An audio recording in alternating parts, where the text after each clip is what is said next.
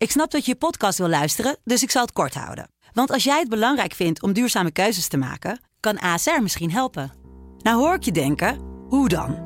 Nou, bijvoorbeeld bij het duurzaam herstellen van schade. Of de premies die we beleggen volgens ons duurzaam beleggingsbeleid. Dat bepaalt waar we wel en juist niet in investeren. Wil je meer weten over welke duurzame keuzes ASR maakt? Ga dan naar asr.nl slash duurzame keuzes. ASR doet het. Zo, dan kan je nu lekker naar je podcast luisteren. Dit is Kwestie van Centen, een podcast van de Financiële Telegraaf. Met Martin Visser en Herman Stam. Ja, hartelijk eh, welkom allemaal. Helaas moet ik melden dat Martin Visser er zelf niet hier aanwezig is. Uh, die heeft droevige familieomstandigheden, dus vanaf deze plek wensen we hem nog uh, sterkte met alles. En uh, ik kan melden dat Leon Brandsma is aangeschoven. Dat was al de bedoeling, uh, Leon, maar zouden hier eigenlijk met z'n drieën zitten.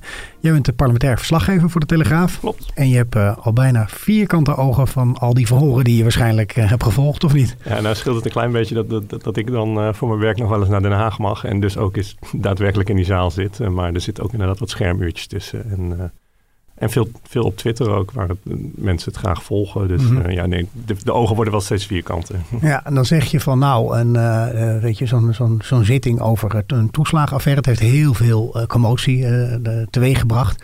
Maar dat kan ook wel eens een beetje saai zijn. Valt het, valt het tegen de eerste week? Of, of zeg je van nou, er zitten echt wel uh, smullende stukjes in? Ja, in de saai is het zeker niet. En, mm. en het is wel, het is, het is heel technisch, er komt er heel veel in samen. Dus het is soms ook wel moeilijk om, uh, om het geheel te volgen. Maar er komen echt alweer dingen naar boven die, die voor mij ook weer compleet nieuw zijn. Uh, dat, en, en ja, er zit wel een bepaalde spanning in natuurlijk van ambtenaren die naar elkaar wijzen. En die elkaar de schuld geven. Dus... Nee, nee, je hoeft niet te slaap te vallen erbij. Nee, nee, nee. Ik, ik kijk iets meer van de buitenkant. Maar wat, wat bij mij vooral, maar dat moet je straks zeker uitleggen is in die eerste weken heel erg een beeld blijft hangen van het is veel vingerwijzen. Van nou nee, die ambtenaar heeft het niet helemaal gedaan, die ja. ook niet. Eigenlijk hebben we het allemaal niet gedaan of, of, of zit ik mis dan? Nee, ja, iedereen heeft het gedaan. Uh, uh, iedereen erkent ook wel eens een fout, zeg maar. Uh, wel wat meer schoorvoetend dan, dan er inderdaad ook wordt gewezen naar de andere ministerie die, die toch wel iets fout hebben gedaan. En nee, dat, dat is heel erg een patroon. Dus, dus bij, bij de Belastingdienst, zeg maar, de financiën ambtenaren zeggen van ja, die fraude aanpak en hoe we mensen hebben behandeld, dat was inderdaad niet zo netjes. Uh, um, bij, volgens verwijzen zij weer van ja, maar dat harde terugvorderen van heel veel geld voor kleine foutjes, dat moest. En, uh, en bij sociale zaken zeggen ze dan weer van ja, nee, dat hadden wij inderdaad, dat was onze wet, dat was onze fout. Maar die fraude aanpak, dat hoefde van ons nou ook weer niet. En, en het patroon daarbij is natuurlijk wel dat het, het wijzen naar een ander wat ruimhartiger gaat dan het de hand in eigen boezem steken. Ja. Het is nog geen uh, enquêtecommissie. Het is een ondervragingscommissie. De uh, enquêtecommissie kan eventueel nog komen, als ik het goed begrijp, uh, volgend jaar. vind je ze eigenlijk goed in vorm? Want ik heb wel eens meer van die enquêtecommissies gezien. Sommige de, parlementariërs zijn er heel goed in, in die ondervraging. En de anderen wat minder. Hoe, wat is je eerste indruk erover? Ja, nou, wat, in geval opvalt is dat ze in geval heel goed voorwerk hebben gedaan. Heel veel gevorderd. Is misschien het voordeel dat dit hele, deze hele kwestie natuurlijk speelt binnen de overheid ook. Waar over het algemeen vrij goed wordt gearchiveerd uh, en dus ook makkelijk documenten op te vragen zijn. Um, ja, de, het niveau van, het, van de Kamerleden die de ondervragingen doen verschilt nog wel eens. Dus dan uh, uh, merk je wel dat, dat de ene ambtenaar misschien net iets makkelijker wegkomt dan de andere. Ja. Over de documenten zei al wat. En uh, nou gaan we het ook over hebben. Over die weggelakte stukken vooral. Hè, die altijd wat bevreemding uh, oproepen. Maar laten we eerst beginnen. Want uh, we staan ook nu na één week. Maar volgende week wordt het ook nog wel spannend. Want dan krijg je heel wat bewindslieden natuurlijk op bezoek. Ja, ja nee, het, wordt eigenlijk een beetje opgebouwd. De, deze week zijn de ambtenaren aan de beurt. dat begon eigenlijk redelijk onderin qua ambtenaren. En, en steeds verder omhoog naar de echte ambtelijke top. En, en zo werken we eigenlijk volgende week toe naar, naar inderdaad die politici. En dat zijn nogal wat prominente politici vier, volgens mij vier kabinetsleden uit het huidige kabinet. Dus eh, premier Rutte zelf, minister Hoekstra van Financiën, uh, minister, van, minister Wiebes, die nu minister van e Economische Zaken is, maar uh, een paar mm -hmm. jaar mhm. geleden nog staatssecretaris van Financiën. Uh, minister van Ark komt ook langs, die alweer bij sociale zaken zat, inmiddels bij volksgezondheid. En Lodewijk Asje natuurlijk, in het vorige kabinet nog minister van Sociale Zaken, nu de prominente oppositieleider natuurlijk voor de PvdA. Dus ja, dan, dan zal de, de belangstelling alleen maar toenemen Ja, natuurlijk. En dat eh, zo eh, een paar maanden voor de verkiezingen. Dat is, maakt het allemaal Ja, extra saillant. Eh, volgens mij maakt minister Wiebes zich er nog niet zo heel erg druk over. Ik wil even een fragment van hem laten luisteren als hij eh, zegt eh, nou ja, hoe hij daar tegenaan kijkt volgende week. Lijkt mij vrij vanzelfsprekend. Als ik een enquête zou organiseren, dan zou ik de laatste staatssecretaris van Financiën allemaal uitnodigen. En daar hoor ik ook bij. Het zou er wel gek zijn als ze me niet zouden vragen, toch? Nou ja, het is wel spannend, zo vlak voor de verkiezingen. Valt in mooi in de, in de campagne. En er zitten drie VVD'ers eh, volgens mij aan tafel. Rutte en Van Ark. Ja, nou, ik vind het niet raar om ondervraagd te worden over iets wat iedereen graag wil weten. En ik zal er toelichting op geven. Ik zal proberen de vragen zo goed mogelijk te beantwoorden. Ik vind er echt niks geks aan. Ja, want in die commissie zitten natuurlijk ook weer allerlei mensen met verschillende politieke signatuur. Eh, denk je dat dat ook mee gaat spelen als bijvoorbeeld Ascher komt? Dat een VVD-commissielid wat harder erin klapt om hem toch wat te beschadigen? Ja, nou, ik zat er van de week wel over na te denken. Ik, ik weet wel al, ehm, ergens in het voorjaar volgens mij al een keer heel veel gezeik hier is over, over is geweest in de voorbereiding. Ergens in een achterafzaaltje in de Tweede Kamer. Dan zit die commissie Financiën, die, ehm, zeg maar de Kamerleden die over financiënzaken praten bij elkaar. En eh, te bekokstoven van hoe gaan we dit nou opzetten. En toen was er al meteen ruzie tussen PvdA en GroenLinks. Want eh, PvdA vond toch dat het GroenLinks-Kamerlid Bart Snels wel heel graag eh, de boel eh, op sleeptouw wilde nemen. En er werd natuurlijk ook al even gedacht aan, eh, aan de eigen partijleider natuurlijk, eh, Lodewijk Asscher. Ehm, ik, ik ben heel benieuwd hoe ze die verdeling inderdaad gaan doen. Wie gaat wie interviewen? Eh, spelen de partijbelangen daarbij een rol of niet? Eh, op papier natuurlijk niet. Ja, in de praktijk is het nog wel eens wat anders dan papier. Dus Ja. interessant. Wie, denk- wie denk jij dat het meest, die het meest lastig gaat krijgen? Ehm, eh, nou, Asher, wel denk ik, die, die gaat het moeilijk krijgen. De, ehm, je hebt heel veel voorbij zien komen deze week van, nou, wat ik al zei. ehm, is misschien goed om even, even, even eh, goed uit te leggen. Dat, dat er zijn eigenlijk twee problemen hierbij. Eén, die fraudeaanpak van de Belastingdienst. Eh, dat, ehm, mensen kregen een stempeltje van je bent een fraudeur. Als ze dan vervolgens belden van waarom eigenlijk, kregen ze niks te horen. Mensen werden uit huis gezet. eh, de- dat ligt natuurlijk bij financiën heel erg. Het andere probleem is terugvordering. Ehm, stel, jij, jij eh, vraagt kinderopvang aan. Dat, dat is volgens mij, jij weet misschien beter dan ik, want jij hebt kinderen, ik niet. Ja. Maar dat is volgens mij een behoorlijke administratieve romslomp. eh, waarbij je ook bijvoorbeeld een eigen bijdrage betaalt. Ja. Nou, maakt je daar ergens een klein foutje in. Jij hebt in oktober je eigen bijdrage niet betaald. Kon je meteen voor het hele jaar die toeslag terug gaan Mhm. betalen. Dus letterlijk een foutje van 100 Ja. euro kon je 10.000 eh, Nee, heel herkenbaar. Ik leg het heel laf altijd bij mijn vrouw neer. Dan- Ja. en dat als chef van de financiële redactie. Dus dat Nou, biecht ik maar meteen Daar zou je even moeten schamen. Ja, ik weet het. Maar, nee, en, en, en dat, dat probleem ligt echt bij sociale zaken. En, en wat je hebt gezien deze week, eh, prominent punt, is dat vanuit financiën heel veel is gezegd van ja, dat hebben wij constant aangestipt bij sociale zaken. En dat was bij in 2010 al, dus nog voor de periode van Asje, toen was Henk Kamp, eh, die niet verhoord wordt overigens, eh, maar ook bij Lodewijk Asje zelf. En hij zal dat toch eh, moeten gaan uitleggen waarom zij ervoor hebben gekozen om dat probleem niet aan te pakken. Zeg maar.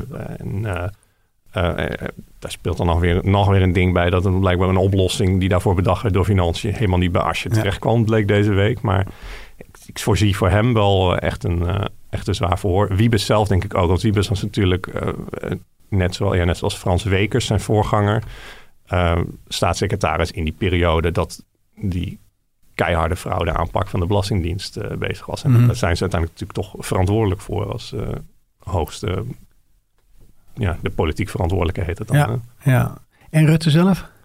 Ja, Rutte, Rutte heeft weer een heel, heel andere rol. Ehm, ehm, vind dat moeilijk in te schatten hoor, wat precies de implicaties voor hem zijn. Hij zit er eigenlijk omdat, nou los van dat hij natuurlijk de allerhoogste baas is en dus verantwoordelijk is overal voor.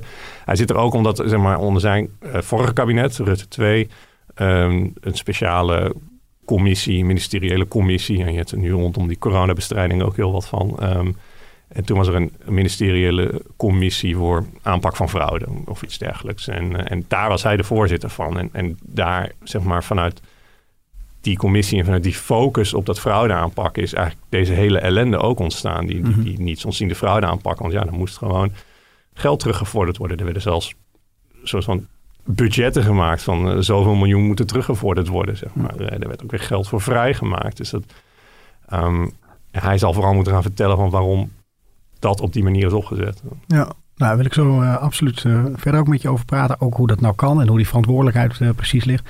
Laten we eerst even luisteren. onze regisseur Marieke heeft een hele mooie samenvatting eigenlijk gemaakt over wat er nou die afgelopen maanden is gebeurd. In 2011 kreeg ik uh, vier beschikkingen binnen, waarvan er werd aangegeven dat ik uh, dat even terug moest betalen. Ja, wij hebben dus jarenlang uh, de kinderopvangtoeslag terug moeten betalen. En wat is de totaliteit dus een bedrag van 67.000 euro is. In totaal bijna 125.000 euro. Nou, Tweede Kamerleden hier in Nederland die zijn woedend over de dossiers die enkele ouders hebben ontvangen van de Belastingdienst. Wat blijkt, de teksten zijn voor een groot gedeelte zwart gelakt. Je wordt er niet wijzer van. Bij mij in het dossier zitten er zelfs stukken bij die zijn niet van mij. Staatssecretaris Snel is opgestapt. Ik zag die zwartgelakte pagina's op social media langskomen. Toen dacht ik, oh, dit is een verschrikkelijk beeld. Hoe ga ik dit nou nog weer rechtzetten? Alexandra van Huffelen wordt het nieuwe gezicht van de toeslagenaffaire. Een van de eerste dingen die ik zal doen is ook bij de ouders op bezoek gaan. De Belastingdienst geeft eh, nu toe dat er sprake is geweest van etnisch profileren. Ja, ik ben uh, gepakt op mijn nationaliteit. Turkse nationaliteit, ja. ja. Het is een ongekende stap. Het ministerie van Financiën heeft vandaag aangifte gedaan tegen haar eigen belastingdienst. Er werd in augustus besloten, we laten die ouders, ook al weten we dat het onterecht is, creperen onder beslag. Gekker moet het niet worden. En dan is deze notitie niet naar de commissie Donner gegaan. Ik ben wit Wit heet dat dit soort dingen. We zitten het hele weekend te onderhandelen omdat we zogenaamd het niet weten. Het ministerie wist het al acht maanden. Ja, emoties uh, alom. Uh, we kennen allemaal die beelden, ook in de Tweede Kamer, dat daar uh, de slachtoffers zaten, boos weglopen, huilend. Hoe is dat voor jou als, als verslaggever? Hoe kan je in contact komen met die mensen? En, ja, het wordt ook wel heel persoonlijk het verhaal. Je bent natuurlijk vooral een parlementair verslaggever, waar je die, die, politieke discussie volgt. Maar nu komt het zo dichtbij ook. Ja, dat, dat is ook wel volgens mij. Ik, ik doe het nog niet zo lang. Hè. Ik loop iets meer dan een jaar in Den Haag. Maar deze mate van, van emotie ook in de Kamer, zeg maar, is, is, is best wel uniek. En uh, Groningen wordt vaak genoemd, hè, de, de, de, mhm. aardbevingen. En, uh, um, waarbij hetzelfde gebeurt. Hè. Veel mensen die naar de Kamer komen. Maar ja, wat je hier zag, dat was toch wel echt ongekend. En, en, en, um, en ook die emotie bij die Kamerleden zelf. Hè. Natuurlijk vooral Pieter Omzicht, uh, Renske Leijten, die hier veel op doen. Die natuurlijk ook constant contact hebben met die mensen. Appgroepjes, mails en... en ja, al die emoties ook hebben opgezogen eigenlijk. En dat komt dan bij zo'n debat ook wel eens uh, gewoon heel hard uit. Uh. Ja. Je noemt al uh, omzicht. Hè? had hij eigenlijk geen trek om in die commissie zelf te zitten? Want het is ook een van de voortrekkers in dit hele dossier. Ja, nou het lastige is... Um, ik heb daar met Renske Leijten, die natuurlijk wel in zit... in die commissie over gehad. Het lastige is... Um, die commissie kan stukken vorderen. maar dat zijn geheime stukken, zeg maar. Er zit een mm. geheimhoudingsplicht aan. Dus uh, voor Renske geldt nu. Uh, zij zit in de commissie, zij weet van alles, maar ze kan dat niet gebruiken in eventuele Tweede Kamerdebatten daarover. Uh, dus het maakt je rol ook wel een stuk lastiger. En ik denk dat zij gewoon graag wel die rol wilde spelen in die commissie en die mm. verhoren en die ambtenaren en die politici het vuur aan de schenen wil leggen. Ehm, maar het, het, het, het, zet daar een beetje vast in, in gewoon het reguliere Kamerwerk, zeg maar. En ja, en omzicht is natuurlijk ook met die CDA-partij uh, waar het ook nog niet altijd heel rustig is. Dus die is denk ik ook gewoon druk genoeg daarmee. En moeten ze dan vanuit zijn partij een soort subtiele hint geven van dit speelt er en dan kan hij wel een bepaalde vraag stellen wat in de commissie is voorgekomen? ja, nee, dat, nou ja, dat, dat, dat is toch wel echt, je merkt ook al gevoeligheid. We mogen bijvoorbeeld elk, aan het eind van elke dag even met de voorzitter van de commissie partijgenoot van Omzicht trouwens, Chris mm. van Dam. Eh, en een oud-officier van justitie, dus die kent het klappen van de zweep wel met dit soort verhoren. Um, um, mogen we even praten dan van hoe was de dag. Maar je merkt ook dat daar heel, dat is heel terughoudend. Ze willen daar gewoon zo weinig mogelijk over zeggen. Geheimhouding, we gaan niet halverwege de boel zitten analyseren. Mm. En, uh, en zitten duiden. En u, hoort het achteraf wel uh, als het verslag er is. Ja. Dus, ja, dat is ook een moeilijke evenwicht natuurlijk. Omdat je aan de ene kant ook heel erg voor die slachtoffers zoveel mogelijk openheid wil geven. Wat er gebeurt. Maar aan de andere kant kunnen sommige dingen gewoon nog niet zo naar buiten komen. Nee, klopt. Ja. dit is natuurlijk een heel gevoelig punt. Uh, die openheid. En dat, dat hoorden we net ook in die samenvatting inderdaad. Eh, over die gelakte dossiers uh, van ouders. En uh, de woede in de Kamer over dat constante nieuwe informatie die weer naar boven komt. dus mm -hmm. dat, ja, dat ligt ook echt heel gevoelig. Ja. Uh, het, het, het, is aan de ene kant een eenvoudige zaak, maar aan de andere kant is ook wel een hele ingewikkelde oorsprong. Zullen we eens proberen een beetje dat af te pellen van waar het nou eigenlijk vandaan komt? Hè? Want die controles die zijn op een gegeven moment steeds strenger geworden. Uh, en er wordt altijd de Bulgaren kwesties worden erbij genoemd. Ja. Hoe, hoe, hoe, moet je, in wat voor licht moet je dat plaatsen? Is er ja. op een gegeven moment doorgeslagen erin? Hoe, ja, nee, dat, dat, dat, is inderdaad. Uh, nou, we hadden net al even over de, die twee punten, zeg maar. Dus en, en, en inderdaad, bij die harde fraude aanpak van de Belastingdienst zie je dus inderdaad heel erg dat terugkomen van die uh, uh, Bulgare fraude. Dat is het moment dat ook die hè, commissie waar Rutte dan voorzitter van is, in wordt gesteld. En waarin dat echt een soort van focus wordt. Een, een, een, een beleid met business cases. daar ging het deze week ook heel veel over. De business case om een bepaald bedrag terug te vorderen. En uh, wat ze dan doen is een, een, een, een bepaalde aanpak. Dat is die CAF aanpak. Daar gaat het vaak over. CAF, mm. CAF 11, CAF dossiers. Uh, dat staat voor Combi-team aanpak facilitators. Um, mm. Wat het inhoudt, dat moet ik even gewone, ja, ja. gewone mensen worden uitleggen.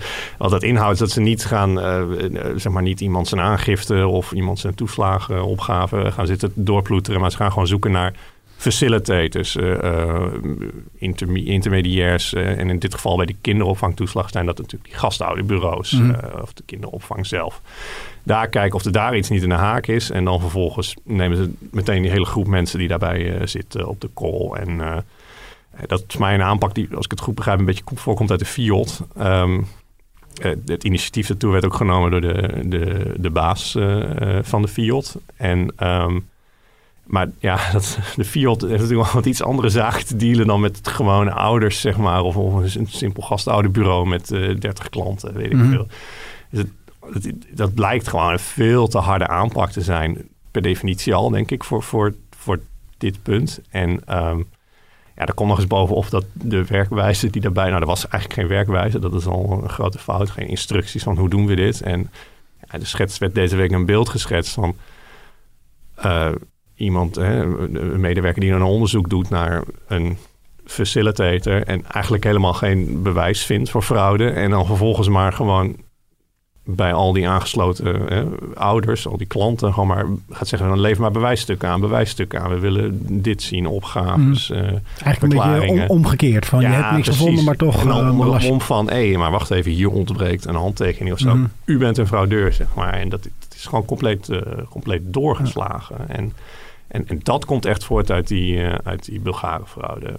Waarbij dan, en ik geloof een van die ambtenaren, ik weet even niet meer wie het was, iemand van Financiën vertelde ook dat uh, toen staatssecretaris Wekers, hè, die, die viel bijna op die Bulgare fraude. En uiteindelijk sneuvelde hij iets later alsnog op een ander toeslagprobleem, volgens mij. Um, uh, ook echt letterlijk langskwam op het kantoor. Uh, en, en daarbij zat van ja, we moeten alles op alles zetten om dit soort dingen te voorkomen. Dus er ontstond echt een cultuur van oh jee, eh, als, er, als er maar geen, uh, uh, niet meer zo'n groot fraudeschandaal ja. naar boven komt. En, ook de en eigenlijk mag er dan geen muisje meer doorheen piepen en nee. ga bijna alles. nee, precies. Ja, ja. Geen muisje er meer doorheen. En, en, en ook geen muisjes meer doorheen die er eigenlijk best wel doorheen hadden gemogen. Mm -hmm. en, dus de, de, de, goede zullen onder de kwade lijden, werd ook zo aangekondigd. gewoon in de Tweede Kamer. En, maar goed, aan de andere kant, als je eh, in de media ook ziet, als zo'n geval naar boven komt, dat is dan één geval, wat heel, soms echt heel opvallend kan zijn qua fraude. Ja, pakken wij er ook groot mee uit, andere kranten ook. Ja. En dan spreekt iedereen weer uh, de schande natuurlijk van hoe kunnen ze nou zo slecht opletten bij de ja. Belastingdienst. Ja, daar, daar, daar, daar is natuurlijk ook veel kritiek op dat er misschien te veel wordt gereageerd op media, dat ook in de Kamer vervolgens daar een oproep komt om, om daar veel harder in te zijn. De bal is ook wel bij het debat hierover vaak bij de Kamer zelf uh, uh, gelegd. Van ja, jullie wilden toch dat we keihard aanpakken, hoor je mm. vaak in Den Haag. Um, en dat is ook zo. Tegelijkertijd zeg, zeggen Kamerleden dan ook van ja, maar wij hebben er niet om gevraagd om mensen zo, zo te behandelen, zeg maar. Uh, we willen wel dat fraude aangepakt wordt, maar niet dat mensen zomaar als fraudeurs worden bestempeld en ja. echt onmenselijk behandeld worden vervolgens. Ja. Wat ik er zelf ook al eng van vind, is dat je dus die ambtenaren aan de slag. En ik geloof echt niet dat ze dat uit alleen maar eh, vanuit hun karakter van, oh, ik ga alleen maar mensen pesten. Maar blijkbaar wordt het systeem een beetje gelegitimeerd om dit te gaan doen. Van ja, dit hoort nou eenmaal erbij. En dan denkt bijna niemand zelfstandig meer na van, hey, zijn we niet helemaal volledig aan doorslaan? Ja. En komt dat soort informatie ook niet genoeg bij een minister? Ja. Ja, en, en, en ook, dus worden ook signalen die hè, daarop wijzen van dit gaat helemaal de verkeerde kant op, ook terzijde geschoven. En ik zat vanochtend nog te luisteren, was uh, um, ik, ja, Uilenbroek moet ik zeggen, Jaap Uilenbroek. Hij was mm. de afgelopen drie, drie jaar... Uh, begin dit jaar is hij de laan uitgestuurd vanwege hè, nadat staatssecretaris Menno Snel opstapt. En uh, hij was de hoogste baas van de Belastingdienst. Mm -hmm. En hij legt ook wel heel erg uit, want we zaten eigenlijk vast in ons, in ons eigen denken, zeg maar. Waarin wij constant probeerden uit te leggen waarom de wereld is zoals die is. En niet goed nadachten over wat er nou eigenlijk de gevolgen waren voor mensen. Mm -hmm. ja. Burgers, zeggen ze dan vaak. Ja. Ja, uh, ik wilde eigenlijk even aan je een fragment laten luisteren over, van Sandra Palme. Dat is eigenlijk de, de, de bedrijfsjurist. Dat is ja. de jurist van de Belastingdienst. Die is een bedrijfsjurist. Dus ja, als ik maar overneem. Ze geeft dus, zij is dus iemand die zo'n signaal afgeeft. In exact, ja. 2017. Ja, en dat ging niet helemaal goed. We luisteren even naar. Mijn advies is de klacht gegrond te verklaren en een vorm van compensatie aan te bieden. Daarnaast adviseer ik met klem de processen van Belastingdienst toeslagen te heroverwegen en een coördinatie aan te brengen. Het MT is verantwoordelijk voor het hele proces, ook op inhoud. Hoe is het mogelijk geweest onderzoek in te stellen zonder werkinstructies en behandelkaders? Hoe is het mogelijk geweest de toeslag voor 300 burgers op deze wijze stop te zetten? Met een onjuiste rechtgrond, geen achterslaan op de rechtsbescherming, inbreuk op de vereiste zorgvuldigheid.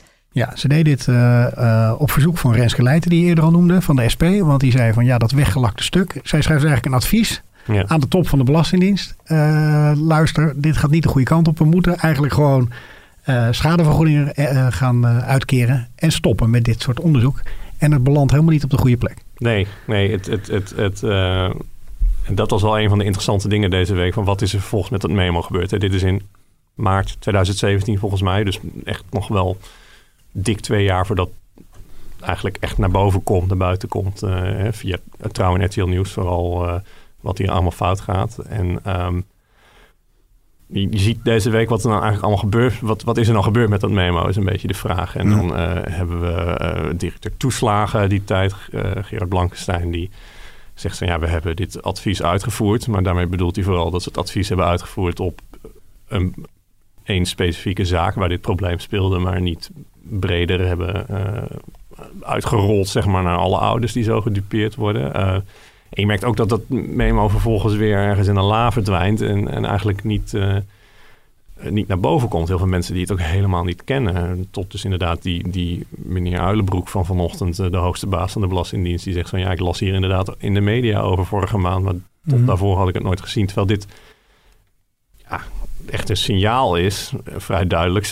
Dus ik moest ook wel lachen om, of lachen, het is niet echt om te lachen, maar om hoe ze dit voor, hoe is het mogelijk dat, hoe is het mogelijk dat. Het is natuurlijk voor een jurist ook vooral best wel stevige taal. Mm-hmm. Het is wel ja. anders dan uh, wijzen op artikel zoveel lid uh, B, zeg maar. Ja. Uh, en, en dan vraag je af, van, waar, waarom is niemand daarop aangeslagen? Waarom heeft niemand gezegd van, joh, moeten we dit niet eens een keer heel goed onder de loep nemen? En, en, maar vervolgens hoor je ook weer andere ambtenaren die dan dat memo wel hebben gezien en zeggen, ja zo schokkend als het nu hier uh, neer wordt gelegd, vonden we het nou ook weer niet. Want er waren ook wel andere, hè, de ombudsman heeft zich ermee bemoeid die tijd, die eigenlijk dezelfde conclusie trokken. Mm-hmm. En ja, misschien is dat ook wel iets toch in de richting van hokjes denken. Hè? Dat mensen denken, vastzitten in een richting, een bepaalde richting waar ze ingaan, dan een signaal krijgen van je moet eigenlijk de andere kant op, of je gaat helemaal de verkeerde kant op, is het meer. Mm-hmm. En toch ja, iets bedenken waarop ze dit mee kunnen nemen, maar toch in de richting waar ze toch al op gingen, zeg ja. maar. En, en het verandert gewoon helemaal niks. En dat, ja. Ja, misschien denk ik zelf ook wel een beetje te veel in hokjes hoor. Maar zo'n zo Sandra Palme dan bijvoorbeeld, die zou uh, bijna een medaille moeten krijgen bij zo'n dienst. Ik weet niet, werkt ze er, werkt ze er nog? Of, ja, uh, nou, ze, ze werkt nog wel bij de Belastingdienst, maar wel op, een heel andere afdeling. Ze is ook vrij snel na dit ze heeft, dit, dit schreef ze zeg maar nadat ze, dus, nou ja, ze moest een bepaalde juridische afdeling op poten zetten bij toeslagen. Had ze mm. bij belastingen. Hè, dat zijn die verschillende bloedgroepen van de Belastingdienst. Uh, uh, had ze bij Belastingdienst had ze zo'n afdeling op poten gezet. Dat moest ze bij toeslagen ook gaan doen. Uh, nou, in dat geheel uh, schreef ze ook dit memo ergens. En vervolgens werd er toch gezegd, nou, weet je, die, die afdeling die hier op poten willen zetten, dat, dat doe het toch maar niet. Dus, Ja. eh, en is ze weer verdwenen. Ja. Onduidelijk of dat nou echt te maken had met het feit dat ze zo kritisch was op de eigen, Ja, dat vraag ik me de eigen collega's. ja. Eh, dat, dat komt niet helemaal naar boven. Heeft ze zelf ook niet En je weet bovendien, ze heeft dan wel dit geschreven, of ze daarna wel genoeg kabaal heeft gemaakt. Misschien heeft ze het bij het memo gelaten en gedacht van, nou oké, ik heb mijn eh, dingetje gedaan, het is klaar nu. Ja, op die manier. Ja, maar je kunt je natuurlijk afvragen of dat ook... haar- Dat was natuurlijk vrij, een vrij kabalige memo. En moet zij dan volgens met dat memo onder de arm het hele gebouw door gaan lopen... bij iedere deur en naar binnen gooien? Dat, dat, dat, dat weet Wij hopen dan altijd als journalisten dat ze dan bij ons komen aankloppen Ja. uiteindelijk, als ze daar geen gehoor voor krijgen. Maar goed, dat is toen ook nog niet gebeurd. Nee. Later wel natuurlijk. Ehm, ja, ik eh, eh, wilde eventjes ook een ander fragment laten luisteren, want ik zit even te zoeken. Dat moet ik wel goed zeggen. Eh, Hans Blokpoel, want dat gaat ook eigenlijk, die, die is ook al deze week aan de beurt geweest. Hè? Die was ook directeur van, van de Belastingdienst. Eh, kun je even vooraf zijn rol schetsen? Wat, Ja, ehm, hij, hij was de directeur belastingen dan weer. Bij de, het is een beetje hiërarchische structuur bij de ministeries. Je hebt Mhm. de secretaris-generaal, dat is de allerhoogste. Dan heb je een directeur-generaal of meerdere die daar dan onder zitten. En nou, die hebben dan weer allerlei directieteams op verschillende eh, afdelingen. En hij was de, eh, de directeur belastingen en ook wel iemand die samen met hè, die, de, die Fiat-baas waar we het eerder over hadden... wel een, een, een voortrekkende rol had in die fraudeaanpak. Ja, nou, we laten even luisteren, omdat dan ook mensen een beetje een beeld krijgen van wat, wat, wat iedereen zegt in zo'n week. Wij hebben heel veel buikpijn gehad. En hebben daar ook echt met elkaar heel intensief over gesproken. Waarom is er dan niemand geweest die zei: we stoppen hiermee?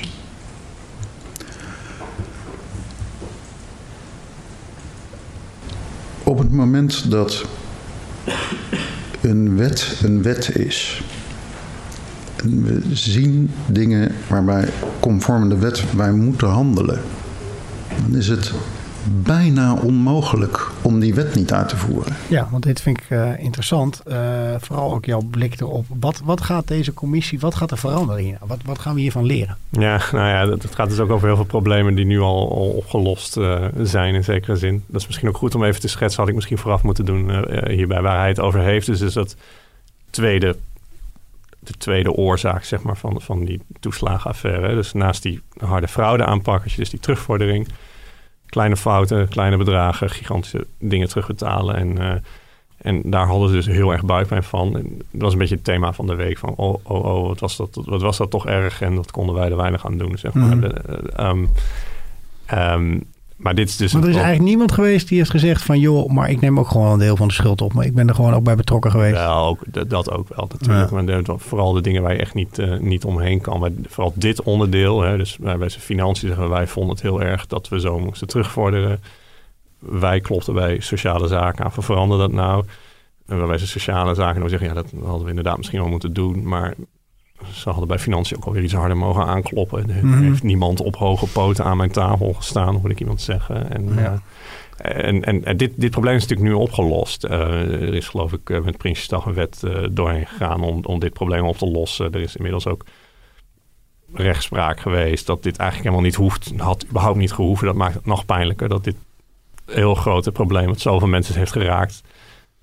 Er wordt geweest, en ja, die wet was zo, maar de wet was niet eens zo. Zeg maar, los van het feit dat die niet werd aangepast, was die wet en was die wet niet eens zo zoals men dacht dat die was. Ehm, nou ja, echt heel pijnlijk. Dat is echt heel pijnlijk. En ehm, ehm, maar nu, nu is die wet natuurlijk aangepast. Hè, en al die mensen die, niet alle mensen overigens, maar veel van die mensen die verhoord werden, zijn inmiddels al vertrokken bij, Mm. op hun post, zeg maar. En eh, ehm, dus het is ook wat, wat eh, de commissie ook gezegd, we willen een reconstructie maken. Een foto van wat er nou gebeurd is en hoe het nou zo uit de hand heeft kunnen lopen. En, eh, ehm, en ook om daar natuurlijk lessen uit te leren. Maar het is ook niet echt bedoeld als een afrekening. Die ons dit opzicht van kijken van eh, hoe did it en, eh, en, en die gaan we straffen. Zeg maar. Mhm. Dat is ook niet de bedoeling op zich. Ja. Hoewel je wel een beetje beeld krijgt. eh, ik zeg dat echt als buitenstaander. Bijvoorbeeld zo'n Gerard Blankenstein. Die, eh, even kijken wat precies zijn rol was. Hij was directeur toeslagen lange Ja. tijd. Die wordt wel steeds meer als een soort van het kwade, de genius achter het hele plan geschetst. Ja, en, en dan merk je ook wel aan die verhoren dat, Mm. dat, dat hij ook wel echt heel hard, hij werd ook wel echt heel hard aangepakt. Hè? En op het einde ehm, en, eh, kwam Renske Leijten nog even met een, met, een, met een vrachtwagen eroverheen. Dat was eigenlijk niet echt meer een verhoor, maar gewoon een, eh, opgebouwde frustratie van een paar Mm. jaar die er even over hem heen werd, eh, werd gekieperd. En eh, ehm, dus dat, dat, ja, dat merk je wel. Maar het komt misschien ook wel door, door dat, die, ehm, dat merk je, dat hoorde je toch wel vaker in, die, in, in Den Haag, van in die aanlopen rondom die toeslagenaffaire. Dat bij financiën de, men wat, wat, wat minder ruimhartig is. eh, is meer een apenrot, zeg maar. Ministerie Mm. van Financiën en Sociale Zaken met meer, meer, iets meer menselijke maat, zeg maar. En dat men het daar ook wel heel moeilijk vindt om toe te geven dat ze fout zaten. En, eh, waardoor dit natuurlijk ook zo lang heeft eh, voortgewoekerd. En, en ik kan me wel voorstellen als je dan in zo'n commissie zit en je bent zo iemand aan het ondervragen die toch ook vooral heel erg aan het terugduwen is, dat je dan op een gegeven moment ook wel wat, wat feller in je bevraging wordt. Ja. Eh, Ja, deze man heeft zelfs gewoon met, eh met eh, gedupeerden zelf aan de lijn gezeten van u bent een fraudeur, als ik het goed begreep toch? Ja, hij had inderdaad ook wel mensen. Nou, volgens mij, hij, hij vertelde inderdaad dat hij iemand aan de lijn had, maar dat ging meer over iemand die hem ging vertellen hoe erg hij eigenlijk behandeld was. En dat hij vertelde, ja, toen schaamde ik me ook wel heel erg. Maar, maar ja, het is natuurlijk ook gewoon verantwoordelijk voor die aanpak. Dus dat, ja. Mhm. Ja. Vind je terecht dat het zo, want dat is natuurlijk ook wel ongekend, zo ook echt op die topambtenaar gespeeld wordt? Of zeg je van nou ja, eh, het moet meer over het systeem gaan en meer over die ministers die in die tijd verantwoordelijk daarvoor waren? Hoe kijk je daar tegenaan? Ja, nou ja, kijk, het Kamerdebat gaat natuurlijk altijd over wie, wie is politiek verantwoordelijk. Hè? De, de, ehm, je zag ook vanochtend, is in het Kamerdebat ook wel eens echt letterlijk op bijvoorbeeld die, die eh, eh, uilenbroek die we vanochtend zagen gezegd van... letterlijk over hem gesproken. Dat hij, op het moment dat hij de laan uit eh, moest, dat hij meteen ergens anders een baantje kreeg. Dat dat schande was. Hij Mhm. noemde ook wel van ja, dat heeft wel echt wel voor heel veel angst binnen de organisatie gezorgd. Ehm, ja, kijk, hier is het natuurlijk gewoon een waarheidsvinding. Dus ehm, ehm, die mensen zijn natuurlijk inderdaad wel verantwoordelijk ervoor. Eh, en dit is dan een moment waarop ze eigenlijk ook een keer zelf hun verhaal kunnen doen. Normaal gesproken doen ze natuurlijk de hele voorbereiding voor zo'n debat. En dan moet uiteindelijk de, de minister of de staatssecretaris het maar met de Kamer eh, uitzoeken. Ja, het is, dit denk ik wel, het is zo'n groot drama dat het ook niet verkeerd is om mensen ter verantwoording eh, te roepen. En, maar ja, er zitten altijd weer mensen onder die natuurlijk ook hebben bijgedragen. Dus, Ja. Krijg je eigenlijk ook zoals eh, in bijvoorbeeld een rechtszaak dat je ook een paar van die slachtoffers of gedupeerden aan het woord krijgt? Of is het alleen maar eh, politiek en Nee, nou, het, ehm, het begon maandag wel met, niet met gedupeerden, maar eh, een advocaat van eh, Hm. Eva González Perez, moet ik zeggen. Ehm, ehm, advocaat van een groep van die gedupeerden, van die CAF 11 zaak, wat een beetje het begin was van wat er naar boven kwam. En zij werd ook een beetje uitgenodigd, vertelde ze ook wel om eigenlijk het verhaal van die ouders eh, te kunnen vertellen, zeg maar. Eh, omdat ze inderdaad, ze zeiden ook wel, ja, we hadden wel zoveel kunnen uitnodigen. Maar dat draagt ook niet per se bij in, in het soort onderzoek dat ze, dat ze willen doen, zeg maar. Eh, Dus ze willen gewoon weten, wat is er fout gegaan eh, binnen zeg maar, die ministeries... en niet zozeer van wat is er voor verschrikkelijk leed mensen aangedaan. Want dat weten we natuurlijk inmiddels ook wel de talloze verhalen Ja. in de media daarover. Ja. Denk je dat eh, hierna, want dit is dan een eerste stap, dan er een eh, parlementaire enquêtecommissie misschien opgetuigd wordt, rechtszaken misschien nog allerlei gaan spelen? Want eh, de staatssecretaris heeft ook gewoon een rechtszaak tegen de eigen Ja. belastingdienst aangespannen. Dat het heel moeilijk om die, om die aangifte te duiden ook. Want het was niet een aangifte tegen mensen, maar tegen de eigen belastingdienst. Hè, vanwege ambtsmisdrijven. En Mhm. eh, ja. Ja, je kunt niet de belastingdienst eh, vier maanden in de cel gooien of eh, Mhm. 120 uur. eh, Sommige mensen zouden het laten heel fijn vinden, maar- eh, ja. dat, dat gaat natuurlijk ook een beetje lastig. Dus ik vind het ook wel moeilijk om te duiden wat daar nou precies de consequentie van kan zijn. Mhm. Er is inderdaad wel de deur open gehouden voor een parlementaire enquête. Eh, die kwam er nooit eh, omdat de coalitie daar eh het dwars lag, die dat gewoon niet wilde. Uiteindelijk met veel politiek kneedwerk is het dan tot deze commissie eh, gekomen. Maar ik denk dat dit legt ook wel, wel zoveel bloot dat ik me dan gegeven moment ook afvraag wat zou het nog toevoegen Mhm. om daar een hele enquête nog eh, overheen te doen, eh, zeg maar, over een paar jaar. Ja. Hey, je hebt ongetwijfeld ook contacten met, met die gedupeerden. De, de, wat, wat voelen ze na zo'n eerste week? Wat denk je? En, en, volgende week gaat het enigszins wat genoegdoening voor ze geven dat ze zo serieus genomen worden? Ja, dat misschien ja, genoeg doen. Je merkt wel dat dat ook heel, heel sterk de behoefte is bij... bij, bij ik, ik heb niet heel veel, moet ik eerlijk bij zeggen... ik heb niet heel veel van die mensen gesproken... ook collega's van verslaggeving eh, eh, hier bij de krant. Maar eh, je merkt dat die mensen ook gewoon erkenning willen. Erkenning dat, dat, dat ze echt iets heel ergs is aangedaan, zeg maar. En dat, dat komt natuurlijk wel naar, voren ook bij, bij ehm, al die foren. Iedereen geeft natuurlijk ook wel toe van... ja, dit is natuurlijk heel erg wat er allemaal gebeurd is. Dat kun je ook moeilijk niet toegeven. Mhm. Want eh, ja, ja, ontken dat leed maar eens. Eh, dat, dat gaat je niet lukken. En, eh, dus ik denk dat dat wel helpt. Maar ik denk ook wel dat als je een gedupeerde bent... dat je toch wel echt met, met, met een... af en toe je kind op de vloer zit te luisteren... naar wat, hoe dat toch allemaal zo fout is gelopen. Ja. En, en dat je ook niet vrolijk wordt van het afschuiven. Want dat Ja, van eh, hebben ze nou nog niks van geleerd? Ze Ja. zitten eigenlijk gewoon alleen maar naar elkaar eh, te kan iedereen niet even gewoon grootmoedig Ja. eh, zelf de schuld op zich nemen. Dus, dus, je, dus waarschijnlijk zal ook Rutte of eh Wiebes wel meer dat soort woorden gaan gebruiken misschien. Om- Ja, ja, dat vind ik. de- de- ik denk dat voor hen in zekere zin wel hetzelfde geldt als voor die ambtenaren natuurlijk. Dat zij hun eigen dingen fout hebben gedaan, maar ook wel hun eigen oplossingen hebben bedacht die vervolgens door iemand anders weer niet uit werden gevoerd. Dus ik, ik, ik ehm, denk niet dat dat patroon heel anders is. Mhm. Nee, nee, maar ik bedoel meer ook van dat Rutte zal ook iets moeten zeggen om even, eh, dat- dat- leed een, eh, een plaats te geven. Dus daar zal hij ook wel wat woorden voor moeten gebruiken, toch? Ja, ja, nee, dat klopt ook. Zonder Dat- misschien te veel schuld zelf op zich te nemen, maar Ja. dat dat wel... eh, Ja, ik, weet, ik weet niet hoeveel schuld hij op zich kan nemen. Maar, maar ik weet niet of dat per se de rol is van die commissie nu. Of, of, of dat waar, waar, waar men naar op zoek is. Hij zal het ongetwijfeld zeggen. En, en Rutte is natuurlijk heel goed in excuses maken en Mhm. dingen op zich nemen. Ehm, hij is ook wel eens langs geweest. Is, ik geloof het eind vorig jaar een grote bijeenkomst geweest. Dan, eh, met, met allemaal gedupeerden. En, eh, ehm, maar ik denk dat de commissie gewoon eigenlijk wel weet van wat was, wat was uw rol en waarom heeft u die fraudeaanpak zo opgetuigd, waarom was het zo belangrijk. Dus daar richt het zich natuurlijk meer op. eh. Ja, ja. Hoe, hoe zit het even praktisch? Wat is het, wie, wie is, wie is het eerst aan de beurt volgende week, om het zo te zeggen? Ja, ja, maandag gaat het weer, maandag gaat het weer verder. En op maandag zijn Wekers en Wiebes, hè, dus de, uit het vorige kabinet eh, de staatssecretaris van Financiën. En dan Asje nog, ook op maandag. Dinsdag is er dan even niks. Ehm, woensdag is Tamara van Ark. Die was, die is nu natuurlijk eh, minister van Medische Zorg. Voor Mhm. Medische Zorg moet ik zeggen. Anders krijg ik een standje van, Ja. eh, van, Ja, van ja, mijn ja. redactiegenoten. En, ehm, eh, maar die was staatssecretaris van Sociale Zaken. Mhm. Sociale Zaken doet dus de, de, de- regelt eigenlijk al het beleid rondom kinderopvang. Eh. Ehm, en eh, even kijken, samen met Van Ark eh, is dan ook... Moet ik even heel diep graven in mijn geheugen.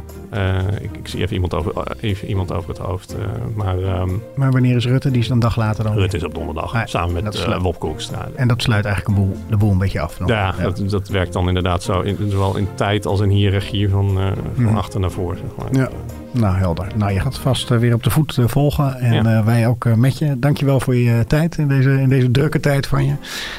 Voor de luisteraars zeg ik dat u ons kunt terugluisteren op iTunes en op Spotify. En ook mailen als u vragen heeft voor Leon of voor ons op podcast.dft.nl. Tot volgende week.